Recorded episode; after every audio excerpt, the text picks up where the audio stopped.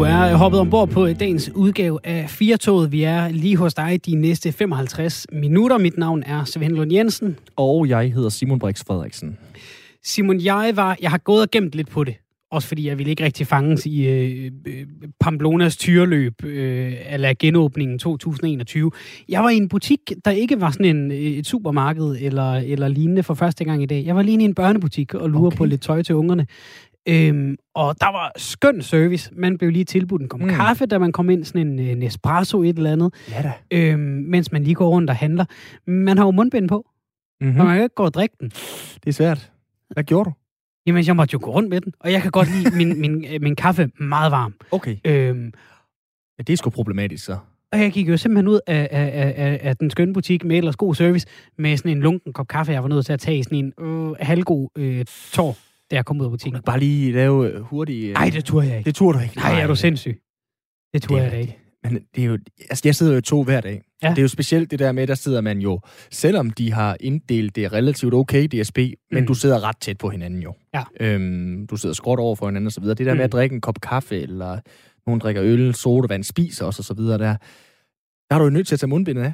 Og det er ja. jo som om, det, det, det er godtaget. Og, mm. og nogle gange tænker jeg, hvor lang tid kan det egentlig tage at spise en cheeseburger fra McDonald's? Præcis. Fordi det kan saft sus med ikke passe, at du kun har spist halvdelen fra Aarhus til Randers. Hvis man planlægger lidt, du ved, starter med måske en lille sodavand, og så skal man lige have en sandwich, og ja. måske har man lige købt en chokoladebar, så kan man jo komme ret langt i landet, uden nogensinde at tage det der mundbind på igen. Ja, ja lige nok. Jeg er lige ved at gøre den her. Jeg, ja. um, jeg er lige ved sidste bid. Det er en god pastasalat. Der, jeg spiser dem alle sammen en af gangen. Ja, jeg har da selv taget mig i det. Altså, øh, og jeg, jeg drikker min kaffe øh, ikke så skoldhed, som du gør, men øh, der har jeg da fjernet mundbind i et godt stykke tid nogle gange for at drikke den her, men reelt set, så skulle jeg jo tage det af på hele tiden, og altså, så jeg skulle bare glemt det nogle gange, altså at tage det her på, fordi jeg tænker, jeg skal alligevel have en slurk lige om lidt, og sådan, øh, det er godt, det er farver ny verden, det der mundbindsgate. Øh, jeg drikker min kaffe varm, du drikker den lidt mindre varm. Hvordan spiser du din is?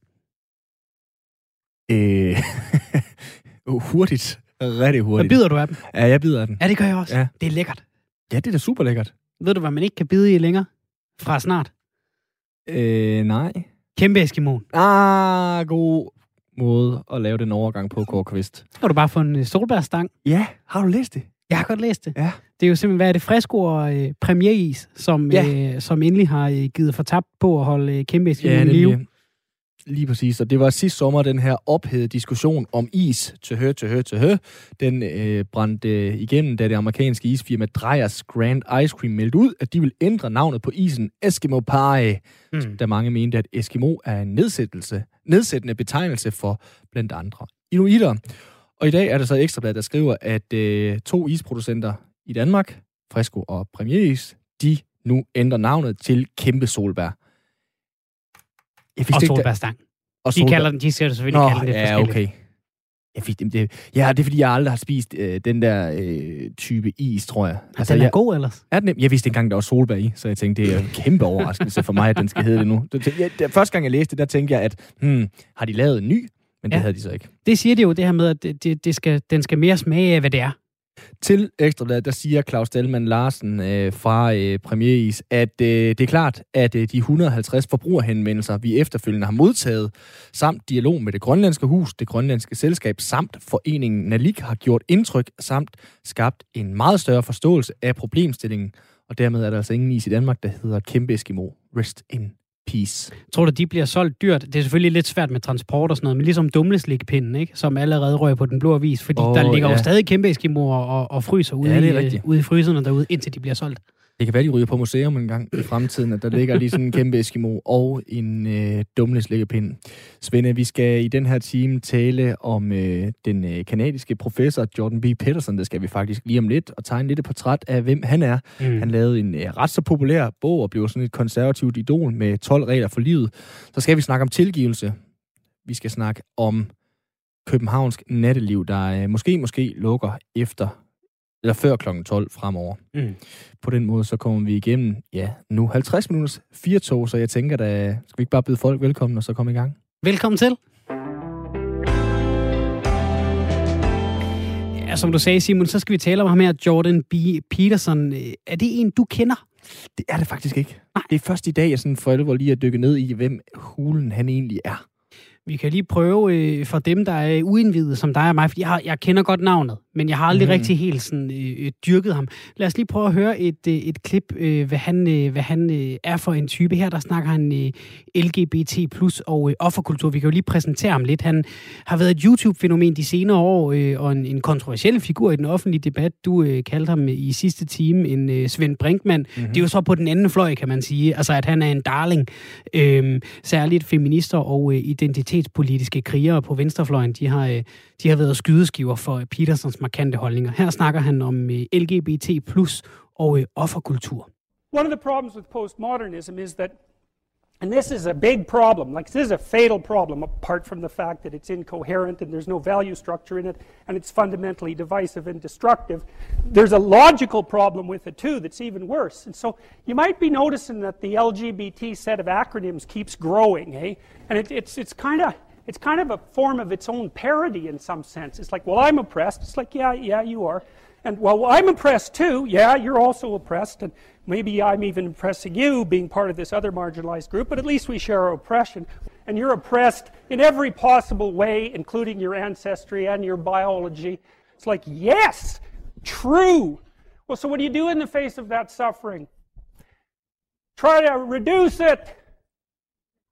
Start with yourself. What good are you? Get yourself together for Christ's sakes. That's better. Don't be a damn victim. Of course you're a victim.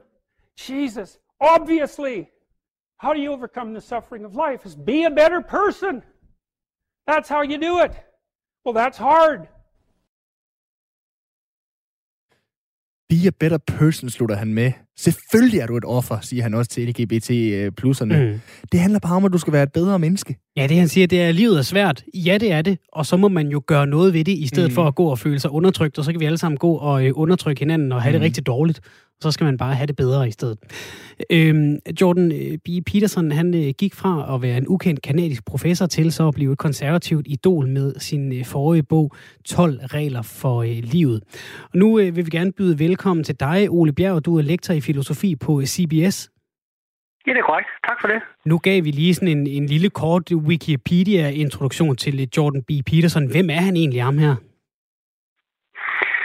Ja, han er jo, jamen, han er jo sådan en popular intellektuel, kan man sige. Altså, øh, han er virkelig sådan brugt igennem sådan til et bredere publikum, end man normalt er vant til øh, sådan blandt øh, intellektuelle. Så det er nok det, han sådan ligesom, ja, det, det er sådan den måde, man først og fremmest kan karakterisere ham med. Og han er jo også brugt igennem det, han skrev de her bøger, men inden da har han jo også, han, han blev jo også kendt, fordi han lavede de der forelæsninger, som han lavede på YouTube, og en af dem var jo den, I, I ligesom citerede fra det er, ikke? Så han kan et eller andet med ligesom at henvende sig direkte til, hvad skal man sige, almindelige men- mennesker. Øhm, og det, ja, altså, det, det tror jeg er en stor del af, af grunden til hans popularitet, og der, er måske, der har måske også været i mange år sådan en tendens til, at man i det akademiske måske har haft lidt en tendens til at lukke sig om sig selv og lukke sig omkring nogle, en, en sådan lidt indforstået øh, terminologi og så videre, så videre. Øh, og der, det, der har han været i stand til ligesom at åbne op og, øh, og gøre akademisk viden relevant for almindelige mennesker, som er interesseret i, hvordan skal jeg leve mit liv. Og vi har jo ringet til dig, fordi du er en af de få i Danmark, som, øh, som ved lidt mere om, om Jordan øh, Peterson end bare og, at have set de her foredrag på, på YouTube. Hvad er det ved ham, du synes er interessant? Jamen for det første, så, øh, altså for det første, så er der et eller andet med det der med, at han taler direkte til folk som nogen, der faktisk har kompetencer til at gøre noget ved deres eget liv.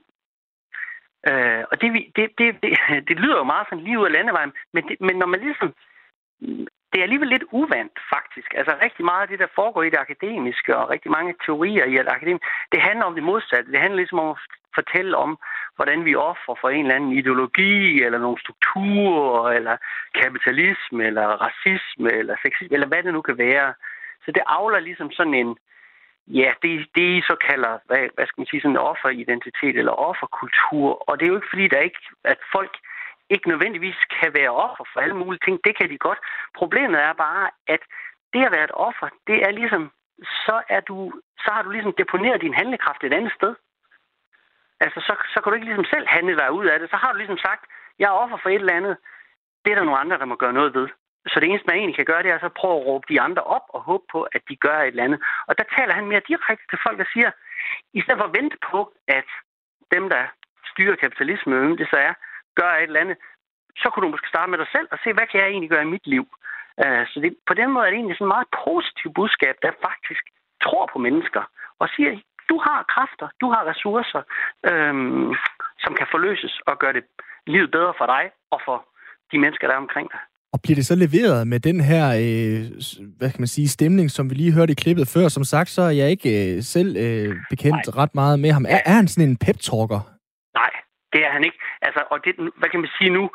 Det der klip, du, du vælger der, det er så måske også et af de mere sådan skinger, og de har også taget lidt ud af en kontekst og sådan noget der, ikke? Og det er ikke rigtigt. Altså selvfølgelig ja, nogle gange så kan han godt ligesom tale sig op i det der stemmeleje, mm. men, men jeg synes ikke, det er ikke grundtonen.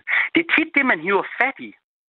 Altså, det er, det er også lidt symptomatisk. Det er jo fint nok, men det er også lidt symptomatisk. Det er lige det der, I hiver ud. Og det, det har det været tit i medierne. Så er det ligesom de der... Man kigger lidt efter det, der kunne være kontroversielt. Men langt det meste af hans, det, han siger, og også hans grundlæggende ærne, er ikke kontrovers. Han søger ikke på den måde kontroversen. Det gør han ikke. Altså, det er ikke min oplevelse, i hvert fald ikke min læsning. Og jeg tror heller ikke, det, det de fleste, men det er faktisk heller ikke det, de får ud af ham.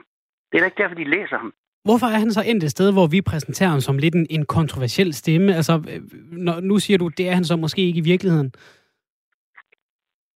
Jamen, når du siger vi, mener du så journalisten? Ja, nu mener jeg, nu mener jeg øh, Simon og jeg, der står her i studiet og siger, ham er, han er sådan lidt kontroversiel og populær på den konservative fløj. Jamen, det er fordi, det er, det er sådan, medier fungerer i dag. De, kan, altså, de, de, har lige, de er ligesom... De kan bedst forstå kontrovers. Ja. Og hvis ikke der er en kontrovers i, i forvejen, så sørger de for at skabe en. Jeg ved for eksempel, jeg har en ven, som skulle have været i uh, Godmorgen Danmark, eller Godmorgen hvad det nu var, et eller andet på DR, eller jeg tror, det var DR, i onsdags. Øhm, det blev aflyst, for de kunne ikke finde en, der mente det modsatte af ham. Mm. Det, var, det er jo vanvittigt. det er jo tosset. altså, så når vi, der er en stor begivenhed her, den her bog er kommet ud, det vil vi egentlig gerne dække, men vi, nød, vi kan ikke finde en, du kan skændes med, så, så det her, det bliver aflyst. Altså, øh, ja, og det ved I, det er der journalisten, så det ved I jo mm. bedre, hvorfor det er, det fungerer sådan. Men altså, men, men, men det oplever jeg meget, og det er også, som jeg sagde før, det er også den måde, at det er tit den måde, han ligesom bliver udlagt i medierne. Og, og når man gør det på den måde, det er jo ikke fordi, det er fuldstændig forkert, men problemet er, eller man går i virkeligheden glip af det grundlæggende budskab. Så og heldigvis, så kan man sige, at han er jo tilgængelig for alle. Man kan bare købe bogen, man kan se det på mm. YouTube, man behøver mm. ikke se det i fjernsynet. Uh, så derfor dem, der er interesseret i de skal nu nok finde frem til det. Så hvis vi skærer det skingrette kontroversielle og, øh, hvad hedder det, vores øh, opsøgende kontrovers fra, hvad er så hans, øh, hans grundlæggende budskab?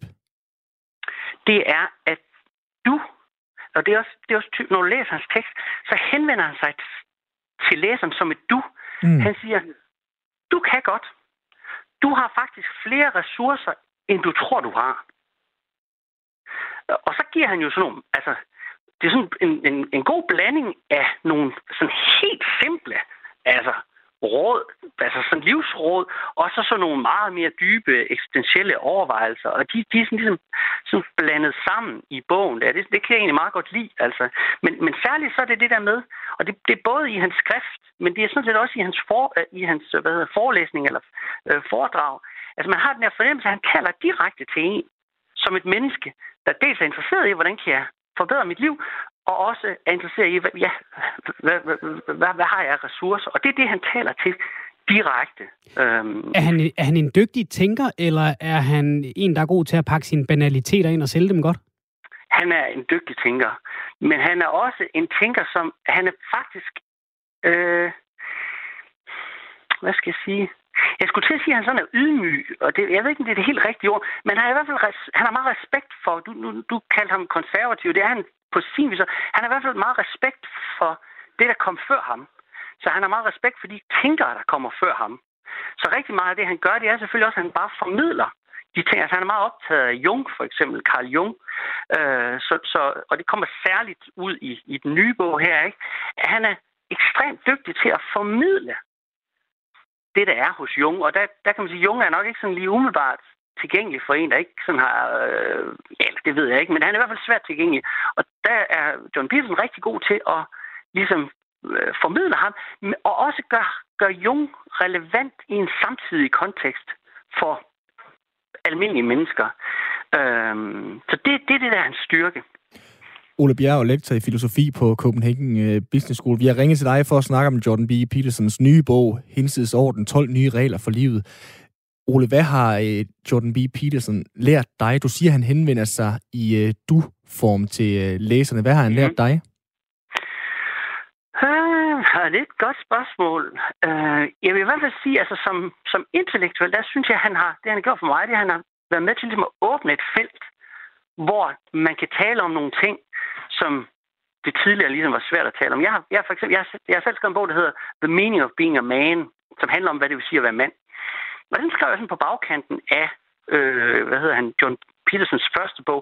Og det var egentlig ikke så meget nødvendigvis sådan tankerne i Jordan Petersons bog er bygget på, men det var mere det der med, nu blev der åbnet et space, et intellektuelt space for, hvor man kan tale og tænke om, øh, om de her ting, øh, som jo ellers det ved I jo selv lidt af, lige så snart man begynder at snakke om mænd og kvinder, så er det meget svært. Altså, så kan der hurtigt være nogen, der bliver skide sure, eller støtte, mm. eller kede af det, eller hvad det nu kan være. Ikke? Så, men der synes jeg ligesom, han har været med til faktisk at åbne et rum, hvor man faktisk kan have en fornuftig samtale om også sådan nogle ting, som øh, kan være lidt svære at snakke om.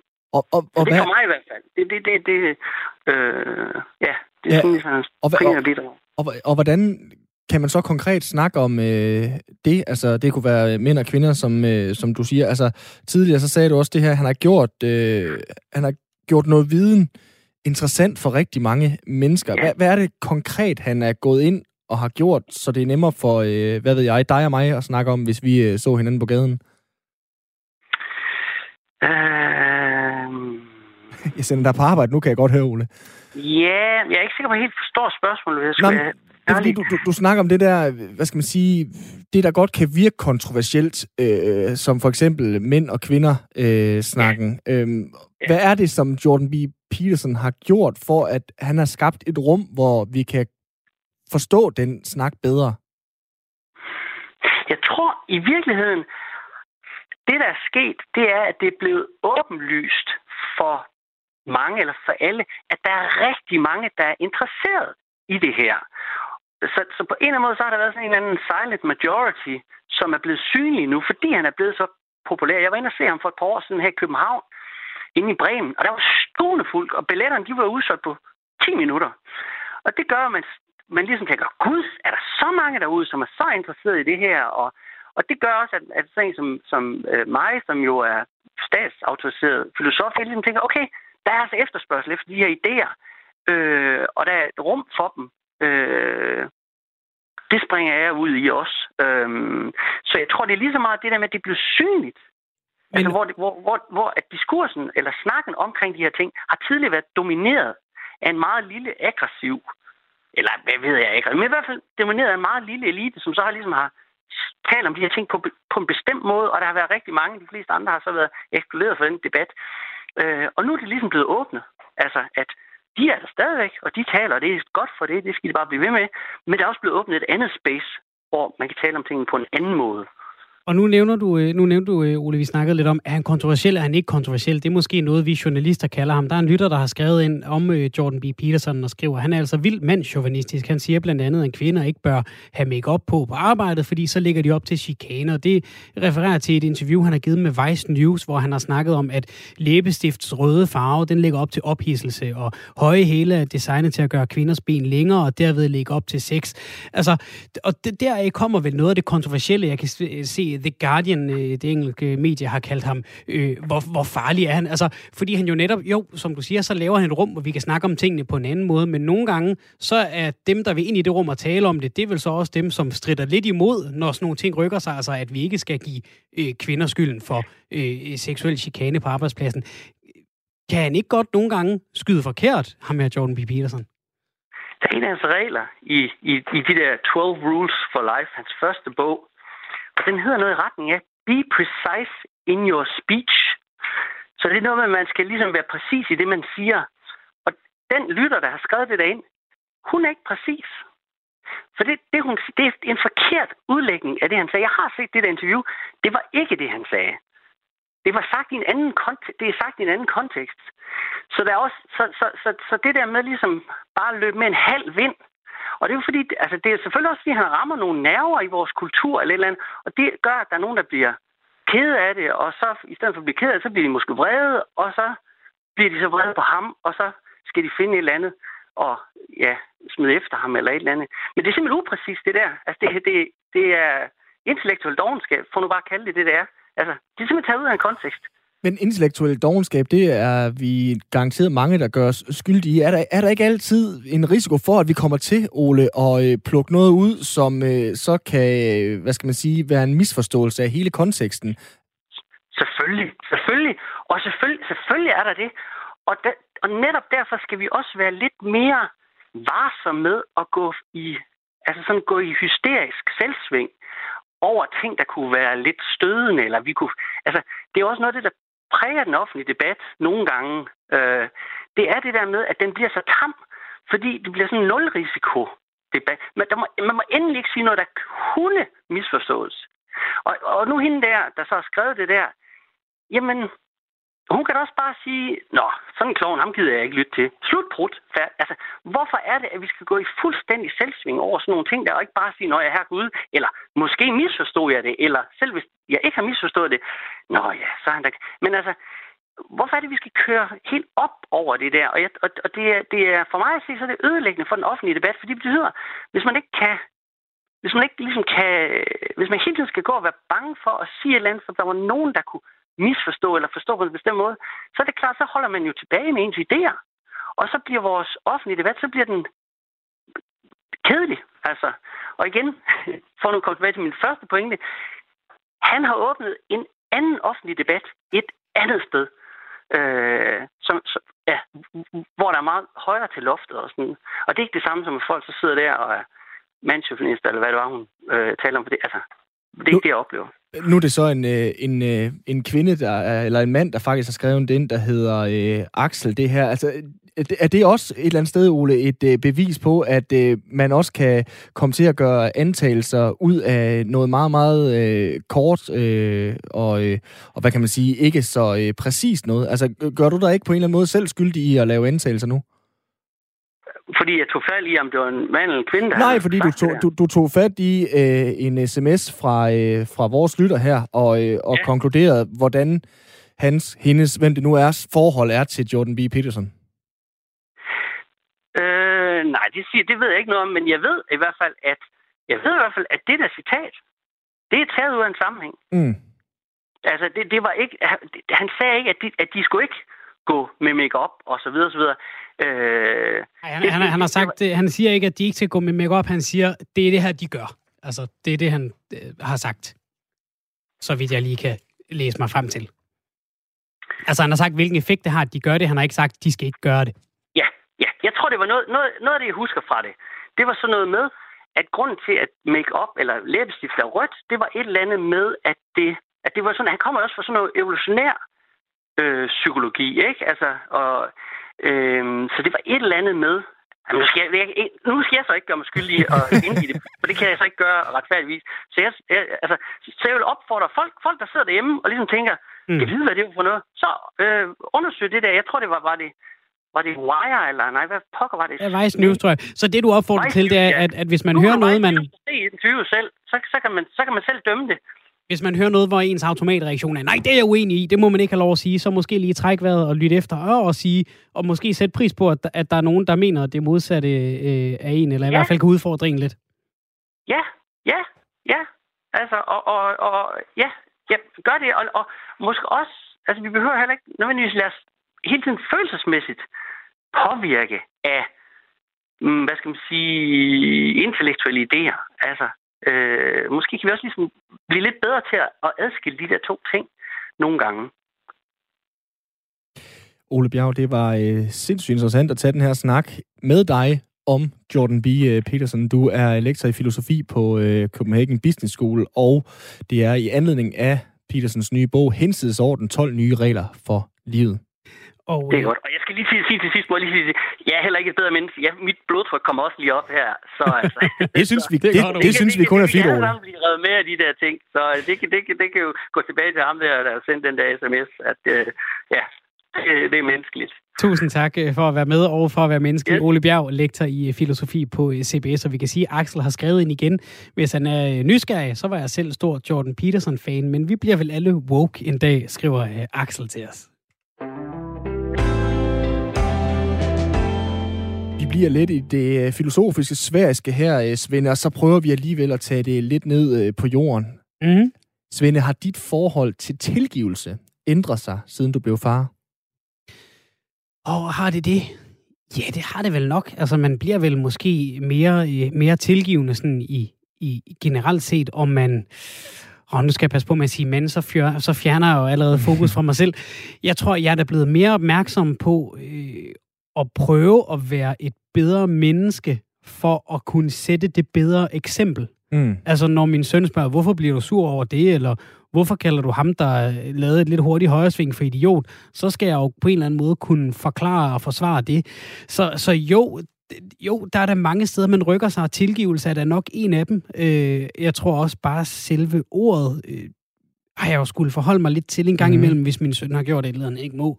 Og så, og så græder han, og så siger han, far, kan du tilgive mig? Og så, ja, selvfølgelig, øh, min søn, fordi du har jo ikke rigtig gjort andet end at tabe et glas på gulvet, der gik i stykker, og, og det går jo nok. Så tilgivelse er jo en, en stor størrelse, og en, man heldigvis ikke skal forholde sig til hver eneste dag, hver det eneste moment. Der er det jo nok bare at sige skidt pyt. Nej, det er jo noget, man forholder sig til, når, øh, livet det kommer rigtig, rigtig tæt på. Jeg kom til at tænke på det her tilgivelse, fordi jeg lige øh, har øh, læst øh, fodboldlandstræner Kasper Julmans bog, som er skrevet af journalisten Morten Glindved. Ja. Kasper Julemand, han har en udviklingshemmet bror, som øh, bor på et øh, opholdssted på øh, Djursland. I 2015, der var Julmans forældre så øh, bekymret for normeringen på det her opholdssted. Altså, der blev taget sig godt nok af øh, dem, der boede på opholdsstedet. Mm. Så de sendte et bekymringsbrev. Ja. Senere, der skete det her sindssygt forfærdelige så, men for en anden beboer. Altså ikke for Kasper Julmans bror, men for en anden beboer. Mm. Nemlig at øh, tre øh, personale i desperation over for den her vrede beboer måtte sætte sig på ham, holde ham fast, fordi han var udadreagerende, og det øh, gjorde de selvfølgelig for at få ham til at falde til ro. Desværre, meget, meget tragisk, døde den her beboer. Forældrene til den her beboer valgte så at tilgive personalet, mm. og i stedet gå ind i øh, hele spørgsmålet og debatten om, hvor meget handler det her om normering. Det her, det handler ikke om vores øh, søn som sådan, det er forfærdeligt, men det her, det handler faktisk for os om at tilgive, så vi kan få fokus på normeringen. Vil du kunne tilgive sådan noget? Altså, det er jo helt vildt som forældre at tilgive dem, der har slået ens søn ihjel. Ja, det, det er jo noget, der kommer op med jævne mellemrum i sådan nogle sager, som, som er ulyksalige på, på rigtig mange måder, hvor, hvor, hvor, hvor den, den forurettede part kan stille sig op og tilgive. Det er jo, det er jo ikke noget, som det har jo ikke nogen juridisk øh, slagkraft, det der med at tilgive sig. Det er sådan en underlig størrelse. Jeg, jeg bliver tit ramt af, når nogen gør det, så tænker jeg, hold da op, det er vildt, I kan finde overskud til det. Så det, det ved jeg sgu faktisk ikke, om jeg selv kunne. Teologen K.E. Løstrup, han er øh, også øh, filosof, han har sagt, Svende, det er kun det utilgivelige, vi har brug for tilgivelse for. Altså en tilgivelse er grundlæggende kun noget værd, hvis man kan tilgive det utilgivelige. Mm. Men hvordan gør man så lige det? Mm. tilgiver det utilgivelige, som forældrene altså har gjort her. Og til at øh, rejse lidt ind i tilgivelsens anatomi, der har vi ringet til øh, præsten i Rønnevang Kirke. Det er dig, Flemming Bak Poulsen. Velkommen til. Tak skal du have. Du er aktuel med øh, en genudgivelse af din bog Tilgivelse er ikke for tøsedrenge. Først og fremmest, Flemming, kan du selv tilgive det utilgivelige? Jeg er nødt til at svare nej, desværre. Øh, jeg, hvis man skærer ind til benet, tror jeg, i forhold til, hvad, hvad tilgivelse egentlig er, sådan helt, helt øh, øh, hvad kan man sige, radikalt forstået, så, så tror jeg virkelig aldrig, jeg har tilgivet nogen noget som helst, øh, for at være ærlig. Øh, og og i, i forhold til det, I lige øh, talte om med, med det utilgivelige, altså, så synes jeg i virkeligheden i mit eget liv, at altså det, det er jo svært nok at, at ligesom leve med det, det der er tilgiveligt. Øh, og, og øh, lidt afhængig af, hvem det er, der gør noget imod mig. Det, øh, nogle gange er det så mærkeligt, hvor, hvor svært det kan være at tilgive øh, bagateller. Øh, så, så, så det er sådan ligesom den ene side, og omvendt så, så jeg, altså, jeg tror, jeg er et menneske, der ikke øh, bliver, bliver super vred over øh, folk, der gør noget virkelig tavligt over for mig. Øh, jeg, jeg har ikke prøvet noget, der bare øh, minder lidt om, om, om det, I lige øh, fortalt om her, men, mm. men jeg har da prøvet folk, der, der, der var rimelig lede mod mig. Ikke? Øh, jeg bliver ikke sådan af natur øh, meget vred over det, men jeg er ikke sikker på, at det egentlig har så meget med tilgivelse at gøre. Så, øh, så du, bare lige for at forstå det, Flemming, så du, du bærer ikke nag, men du tilgiver heller ikke? Jeg tror næsten, man kan sige det sådan, at, at for, at, øh, for at kunne øh, tilgive sådan ægte, hvis man kan det, øh, så er man nødt til at have været rigtig vred. Øh, ellers, øh, ja, tilgivelse er, er noget andet end at, øh, hvad kan man sige, ligesom ignorere eller fortrænge de følelser, som måske er det, jeg har lidt øh, tendens til i mit eget liv. Så, så man, skal, man skal have fat i vreden, og, øh, og, og det er uretfærdigt for at, øh, for at tilgive sådan rigtigt. Og nu er du jo øh, præst. Det er jeg ikke. Du læser nok en del mere i Bibelen, end jeg gør. Hvilket, hvad betyder det for, for dit blik på tilgivelse i forhold til mig? Fordi når jeg synes, jeg oplever folk, der taler om tilgivelse, også hvis man kigger rundt omkring i verden, så ligger der ofte et lag af religion og, og tro i nærheden af at, at, at lægge noget betydning ind i det begreb. Det, øh, det tror jeg, du har meget ret i, og, øh, og det er på en måde også mit, mit eget afsæt, altså øh, netop fordi, jamen, Jesus er en af dem, der har talt aller skarpest om, om tilgivelse. Men jeg har forsøgt at arbejde med tilgivelse meget bredere end det også i en øh, både ja, især psykologisk, øh, men også til dels øh, filosofisk sammenhæng, og prøve at se, hvordan kan de her forskellige øh, vinkler øh, gøre os klogere på, hvad, hvad tilgivelse er for en, øh, en størrelse. Øh, Ja, fordi som præst, så bruger du vel øh, søndagen i kjole og krav øh, på at tale om øh, den teologiske tilgivelse. Er der forskel på den tilgivelse, du så taler om om øh, mandagen, som også kan være øh, filosofisk og psykologisk? Øh, både ja og nej. Altså, tilgivelse er tilgivelse, mm. håber jeg, tror jeg, og, og jeg, jeg håber, den findes et eller andet sted. Og så er øh, psykologi og filosofi og, og teologi, det er forskellige sådan, vinkler eller fag, hvor vi prøver at kigge på, hvad, hvad er det her for noget? Og, og man kan sige, at det, der så er særligt ved, ved teologien, det er jo, at vi at, at der prøver vi at, at, at, at se på tilgivelse på en måde, hvor vi også har, har Gud med i, i ligningen. Øh, det er jo ikke alle, øh, hverken filosofer eller, eller psykologer, der, der gør det, og, og man vil ofte netop øh, udelukke Gud metodisk fra starten selvfølgelig.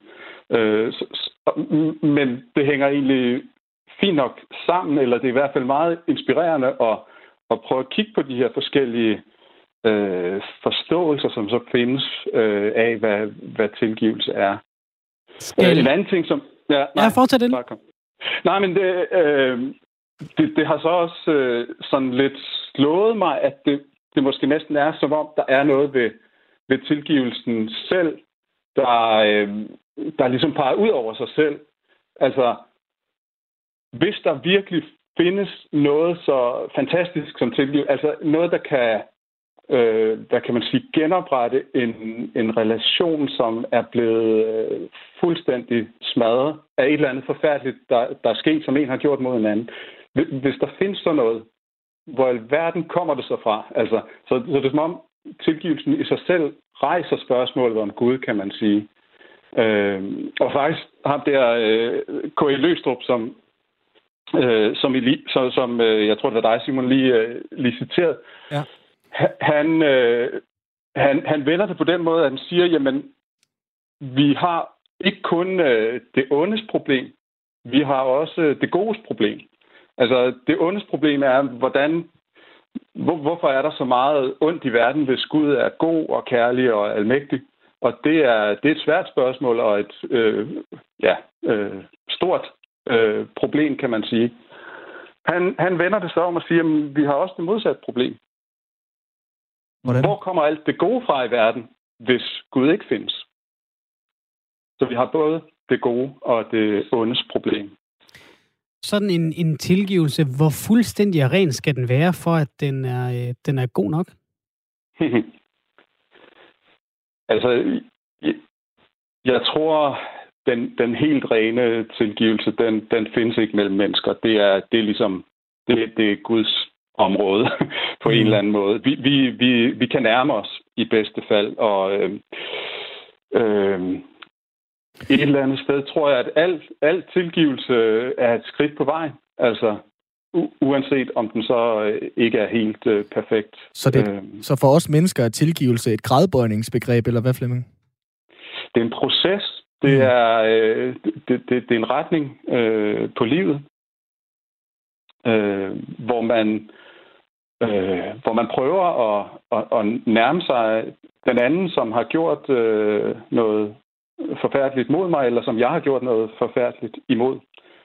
Øh, Ja, fordi vi, vi har også talt tilgivelse i, i de forgangne uger i forhold til hele MeToo og krænkelsesdebatten, fordi øh, blandt andet ja. uh, Mads Aargaard, uh, tidligere Danmarks Radio, uh, fik nyt job, som han så blev fjernet fra igen, der Jes Dorf. I går talte vi her i vores program, uh, Morten Østergaard, og jeg kan jo ikke, jeg kan jo ikke fortælle nogen, at de skal tilgive uh, de krænkelser, de er blevet udsat for. Men, men det der med rent faktisk at kunne tilgive sådan nogle grænseoverskridende ting, det siger du grundlæggende er øh, umuligt, men vi kan nærme os det, eller hvad? Ja, det, det går jeg sådan stille og roligt rundt og håber på, mm. at vi kan. Øh, for, for ellers synes jeg ikke, der er øh, øh, særlig meget håb for vores verden i virkeligheden. Øh, jeg tror, øh, Desmond Tutu, Øh, det, det, han er øh, biskop ned fra Sydafrika. Mm. Han, han skrev en bog, der hed Ingen fremtid uden tilgivelse. Øh, og og det, det synes jeg er en, er en god titel, fordi den ligesom peger på, hvor, hvor vigtigt det et eller andet sted er, at, øh, at tilgivelsen er der imellem os, for, for ellers, øh, ja, ellers øh, går, går livet på en måde i, i stå og, og fuldstændig i stykker for os. Altså, øhm, Flemming, du lyder jo, det er jo vildt interessant det her, fordi du, du lyder jo også som en, hvad skal man sige, øh, en, øh, en søgende sjæl på det her med, med, med tilgivelse. Altså, tror mm. du på, at tiden læger alle sår, eller tvinger du dig selv til at tro på det? Jeg tror, der er forskel på tid og tilgivelse. Altså, der, der er ikke noget automatisk i, at, at bare der er gået tid nok, så, øh, så, så bliver alt godt. Jeg, jeg håber på, at tilgivelsen kan læge alle sår. Mm. Øh, men jeg ved godt, det ikke altid øh, går sådan. Øh, så ja, øh, jeg, jeg har et håb, og, og det, det er til dels også begrundet i, at jeg øh, igen faktisk efterhånden mange år har, har samlet på alle mulige øh, historier om tilgivelse, mm. og det, det er øh, det er helt vildt, hvad, hvad der findes, hvad folk siger, de har, øh, har, har tilgivet, og, og jeg tænker, man som, i hvert fald som udgangspunkt skal, skal tro, at folk taler sandt, når de, når de siger det. Også selvom jeg, jeg, jeg måske kan synes, det lyder, det lyder helt vildt. Øh, bare, bare det, du også fortalte, ikke? Altså om de, de forældre, mm. øh, der, der, der tilgiver personalet, der har været med til at... Øh, øh, eller været, været skyld i, at, at deres barn dør. Øh, men, men de er slet ikke alene. Altså, der, der findes mange af den slags historier. Så, og, så der, øh, er, der er et begrundet håb, synes jeg. et begrundet håb. Ja, heldigvis øh, for ja. det, øh, Flemming. Det her, det kunne vi tale øh, længere om, men øh, vi kan jo bare øh, nøjes med at nævne, at du altså igen er aktuel med bogen Tilgivelse ikke for øh, tøsedrenge. Præst i Rønnevang Kirke, Flemming Bak Poulsen, tak fordi du var med. Selv tak.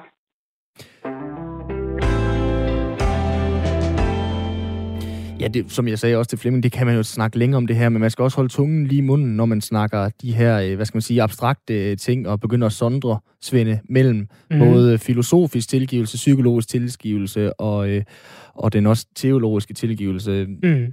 Da jeg talte med Flemming om det, så sagde han også i forhold til den her sondring, at, at tilgivelse er tværfagligt, ligesom livet er tværfagligt. Vi har brug for at undersøge det fra rigtig mange forskellige vinkler, det er jo så blandt andet det, han selv gør i, i den her bog. Øh, Huha. Ja, det er jo en tung emner. Mm-hmm. Skal vi gå videre til noget, der er lidt lettere? Lad os tage en fadøl i København. Fordi i det første udkast til en ny restaurations- og en nattelivsplan udarbejdet af Kultur- og Fritidsforvaltning og Teknik- og Miljøforvaltning i Københavns Kommune, så foreslår man nu en mere restriktiv bevillingstilgang. Og det øh, betyder sådan oversat til mere almindelig dansk, at øh, de vil holde øh, dem lidt tættere til kroppen, de her alkoholbevillinger til nye steder, der øh, øh kunne tænke sig at åbne, især i Indre By i øh, København. Så det kan blive sværere, hvis man får lyst til at åbne en øh, bar eller en restaurant i øh, landets hovedstad og, øh, og have folk til at sidde og drikke øl og øh, synge sange der fra, fra 24 til 05, altså der, hvor de almindelige mennesker, som ikke mm. er ude og give den en over lampen, de ligger og sover og er ved at gøre sig klar måske til øh, næste dag. Velkommen til dig, Christoffer Dig Ernst. Du er chefredaktør på Euroman og har skrevet en klumme om netop det her. Tusind tak skal I have. Er det ikke fair nok, at øh, beboere i Indreby får ro til øh, deres nattesøvn? Jo, det er det bestemt. De må meget gerne sove. Men, øh, men jeg synes samtidig også, at vi ser et øh, med det her udspil, som jo stadigvæk er et udspil, det er vigtigt at bemærke, der er ikke noget, der er vedtaget endnu, og det skal stadigvæk i høring osv., så, videre, så ser jeg et meget tydeligt skred i øh, den måde, man tænker byliv på, og man ser en, en lettere historieløs tilgang til, hvad det egentlig er, der har gjort København en, øh, en, en sprudlende og, og, og fantastisk by at bo i. Jeg prøver at sige lidt om det. Hvad er det, det giver øh, til, øh, til en by som København at have et sprudlende natteliv? Altså det gør jo, øh, København er jo rigtig mange ting. København er både et sted, hvor man kan hoppe i havnen og bade næsten stort set, hvor man vil. Det er et sted, hvor man kan cykle øh, byen tynd på, øh, ja, på nærmest fra, øh, fra den ene end til den anden på et kvarter. Det er et sted, hvor, øh, hvor man har en meget liberal øh, måde at anskue øh, bevillinger på øh, og udserveringer osv. Man kan drikke alkohol alle steder. Det kan man for eksempel ikke i USA, hvor man, øh, hvor man jo ikke må drikke på åben gade.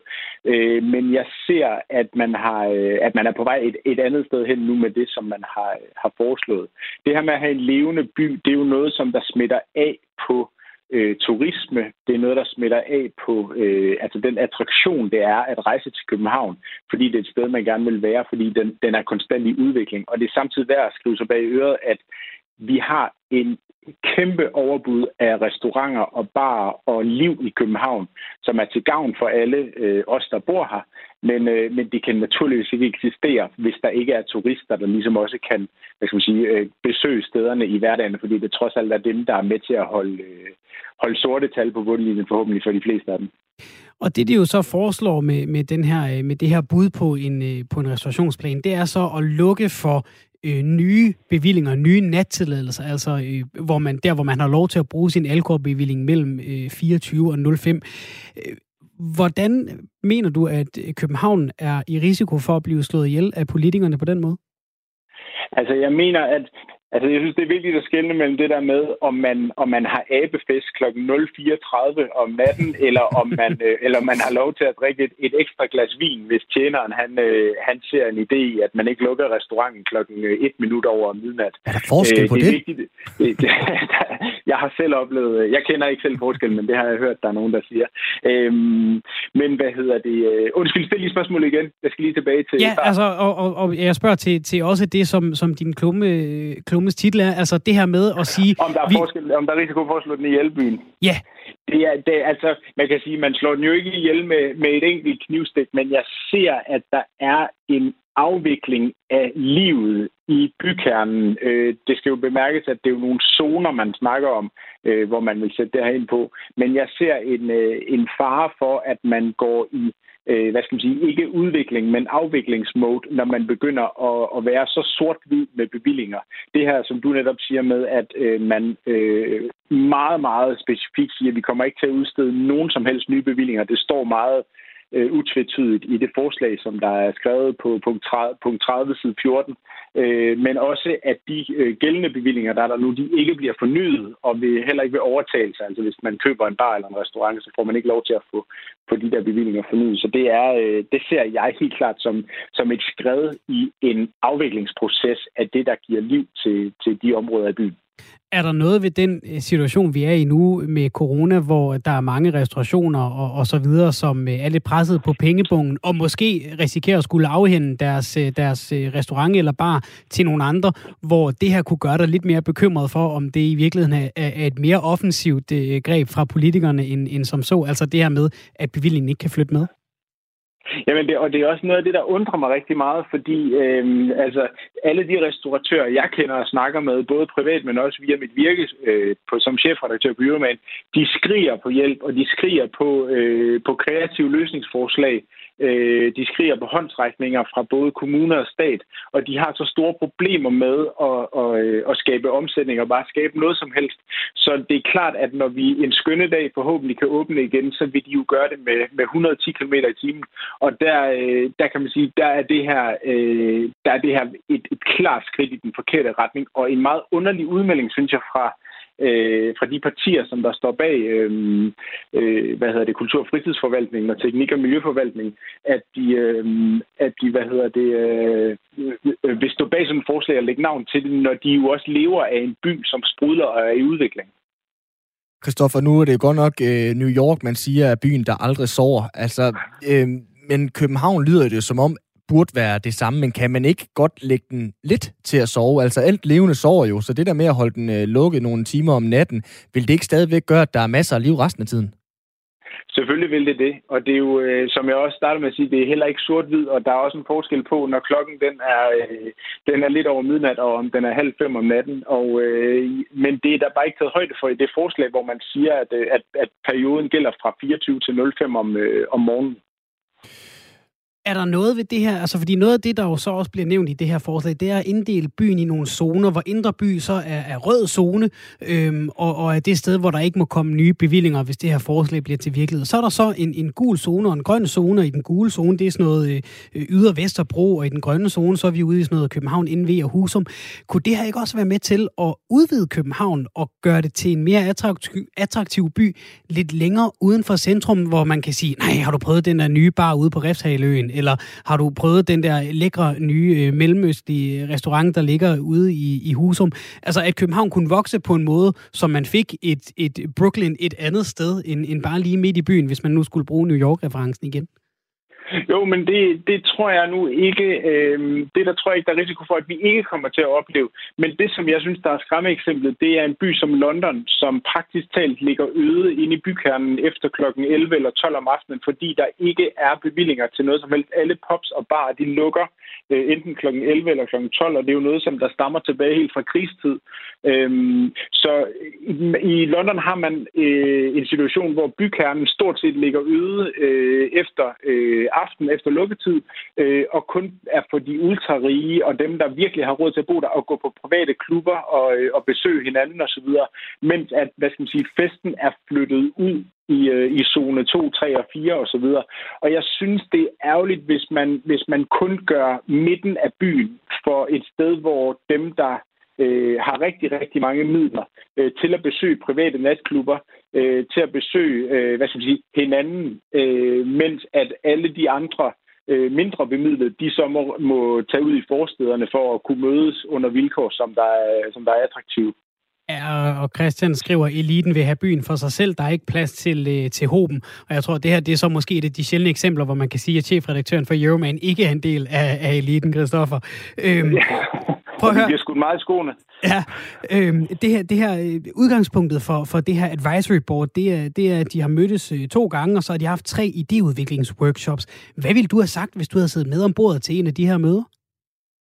Det lyder jo meget øh, kommunalt og, øh, og en smule, smule bekymrende øh, i forhold til for, forvaltning af vores andres midler. Jamen altså, jeg tror, jeg vil have, have gået op i en langt mere nuanceret, øh, øh, hvad skal man sige, bevillingsstrategi. Jeg vil hellere have den smurt ud over byen, og jeg tror ikke på, at man som sådan skal skal sigte efter, hvilket det her det klart er, at lægge hele områder øde af København, øh, og så forsøge at flytte festen ud i nogle festdistrikter. Det tror jeg simpelthen ikke er den rigtige strategi. Noget af det, der også bliver nævnt som, øh, som en af de ting, man vil kigge på, det er en øh, klage-app. Skal du have den, hvis de laver sådan en til, øh, Christopher? Nu kommer man jo klage over forvaltningerne. Tusind tak, øh, Christoffer Dej Ernst, øh, chefredaktør på Euroman, og altså forfatter til en øh, klumme om det her nye udkast til en restaurationsplan i København. Tak skal I have. Vi ses ude i, ude i natten. Det gør vi. De skulle fame lige prøve at gøre det i Aalborg, Svende. Jomfruanegade, der lukker kl. 24. Au, det den kommer sgu ikke til at ske. Og så har de været klar med høretyven, Ja, det er rigtigt. Den der klage der, den bliver lagt ned med det samme. Der ja. er simpelthen ikke noget at komme efter det her. Så øh, kommer der et øh, kosteskaft i vejret med øh, to kander sambuca mel i øh, klistret på, og så marcherer de ned mod rådhuset. Wush, det kan jeg bare love dig for. I, det er jo, det er jo så, så snakker vi så om Københavns natteliv, og så bliver det lige pludselig meget centraliseret omkring mm. landets største by, og så videre og så videre. Men, men jeg tror, at de fleste, der har boet i, i en by i Danmark, der har restaurationer inde i bymidten, det kan jeg da huske fra, at da min mor boede inde midt i Odense, det kan godt være svært at få lukket et øje, når vi når hen øh, torsdag, fredag, lørdag. Yeah men det er jo også, kan man sige, er det ikke en kalkuleret, det burde måske være en kalkuleret risiko, hvis man bor så øh, centralt. Sådan har jeg det i hvert fald. Altså dem, der Nå, men så kommer der lige, så bor man centralt, og der er fred og ro, og så åbner der en ny bar nede i øh, stueetagen. Fordi den frisør, der var der før, den kunne ikke få det til at løbe rundt, og så lige pludselig, så er der himmelhunden øh, fra 2 til 5 hver nat. Jamen, der er jo de der byzoner, hvor man må øh, have bevillingen til klokken 23, til klokken 02 eller til klokken 5 og de bliver jo øh, sendt i øh, høring i kommunen, så det er klart, hvis din mor hun boede på et øh, hjørne i Odense Indre By, hvor der har været frisør, så ender det måske ikke lige med, at det bliver til klokken 05, de får bevilling til med det samme. Og du, du taler om det som en, som en sand 29-årig, Simon Brix, fordi giv det, giv det nogle år, så er du ikke 29, så er du 49 eller 59. Er du så bare tvunget til at flytte ud af byen? Jeg er så klar på at stå på Disco Dasco som 49-årig. Nej, det er rigtigt, Svende. Det, jeg taler selvfølgelig med forstand, øh, fordi at... Øh, jeg er 29. Altså, jeg kan jo, jeg kan jo stadigvæk også mærke, at jeg er også blevet ældre, Svende. Mm. Øh, og jeg tror, der er mange, ligesom jeg, under corona, når vi har været ude for at få en øl, og de så har sagt klokken... Var det klokken 24, eller var det klokken 01, de sagde til at starte med? Øh, skulle man man har lavet forsøg med 01 her under corona. Ja. Ikke? Det havde det fandme fint med. Ja. Det var faktisk rigtig, rigtig rart, da jeg kunne få en god, lang nat søvn igen. Jeg er blevet ældre, selvom jeg kun er 29. Ja. Så det der med at sove øh, længe, selvom jeg havde været ude og følge, det kunne jeg da godt mærke gav noget. Og der var jo fantastisk liv, fordi alle gik hjem på samme tid i byen. Mm. Alle går hjem klokken et.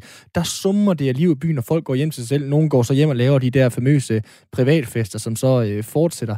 Det kunne jo godt noget, synes jeg. Og jeg hvis... tror da også, hvis jeg skal lave sådan en plus-minus-kolonne, så øh, tror jeg da, er der sket flest gode ting eller dårlige ting efter et, når jeg har været i byen, så tror jeg godt, jeg ved, hvor den bonger ud hen. Ikke? Altså, de dumme beslutninger, oh, de står i kø, jo, jo mere klokken bliver. Det er verdens værste cost-benefit-analyse, det der. Ja. Hold kæft, der har foregået mange ting, som ikke er særlig velovervejet efter klokken 1. Det er rigtigt. Det er klogere for os alle sammen. Det må øh, tiden jo så vise, hvordan det øh, ender. Vi ved, at øh, vores øh, bevilling til radioen. Den stopper lige om lidt. Der er nemlig et øh, nyhedsoverblik, øh, når vi nærmer os her klokken øh, 17. Vi er naturligvis tilbage igen i morgen. Der er det også fra 15 til 17. Der er det fredag, så kan vi jo så knappe en lille en op, hvis vi må det. Ja, vi skal bare huske at gå tiden hjem. Ja, vi skal bare huske at gå tidligt hjem. Tro mig, det er der ingen far for om fredagen. Så kan I se min skygge ja. kl. 17.08. Mit navn er øh, Svend Lund Jensen. Ved siden af mig står øh, Simon Brix øh, Frederiksen. Du har lyttet til Firtoget i de foregående to timer. Bliv endelig hængende her på kanalen. Der er naturligvis masser af gode programmer, som altid, både lige her i radioen og inde på Radio4.dk og i din øh, podcast-app. Der er øh, altid noget godt at give sig i kast med. Jeg er øh, igen faldet for Krimiland for eksempel, som øh, kigger på Estonia. Jeg glæder mig altid lidt til om søndagen, for der mm. kommer det nemlig øh, det nye afsnit. Der er også øh, masser af gode øh, sportsprogrammer. Nu får du lidt øh, satire fra øh, specialklassen. Tusind, tusind tak for øh, i dag.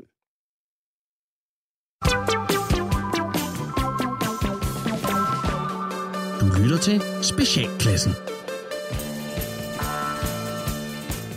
Velkommen til Dyrebrevkassen. I dag der skal vi høre fra løven Søren, som oplever lidt bøvl i hans kollektiv.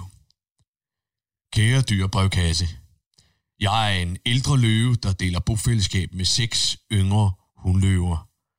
Ja, det kan lyde ret fedt, men jeg må sige, at der er altså også en kedelig side af den mønt. Det er for nylig, der er for nylig opstået en del uenigheder omkring fordelingen af arbejdsopgaver i hjemmet. Pigerne siger, at jeg ikke hjælper til, men jeg ved simpelthen ikke, hvor jeg skal tage fat. Jeg har prøvet at forholde mig til både jagt og unger, men det er som om, at når jeg så endelig byder ind, så får jeg at vide, at det, jeg gør, det er forkert. Og så gider jeg jo ikke hjælp. Men samtidig så bliver de også skidesure, når jeg så bare ligger og sover hele dagen. Hvad pokker gør jeg? Ja, det, det er godt brøl, Søren, fordi øh, det kan jo være svært at finde sig selv og sin klasse i en større gruppe. Øh, jeg synes, du skal sætte dig ned og så tage en snak med pigerne, fordi jeg er sikker på, at I sammen vil kunne fordele nogle af opgaverne mellem jer. Og så skal du stå ved din måde at gøre tingene på, og det skal pigerne selvfølgelig også lære. Venlig hilsen. Dyrebrevkassen.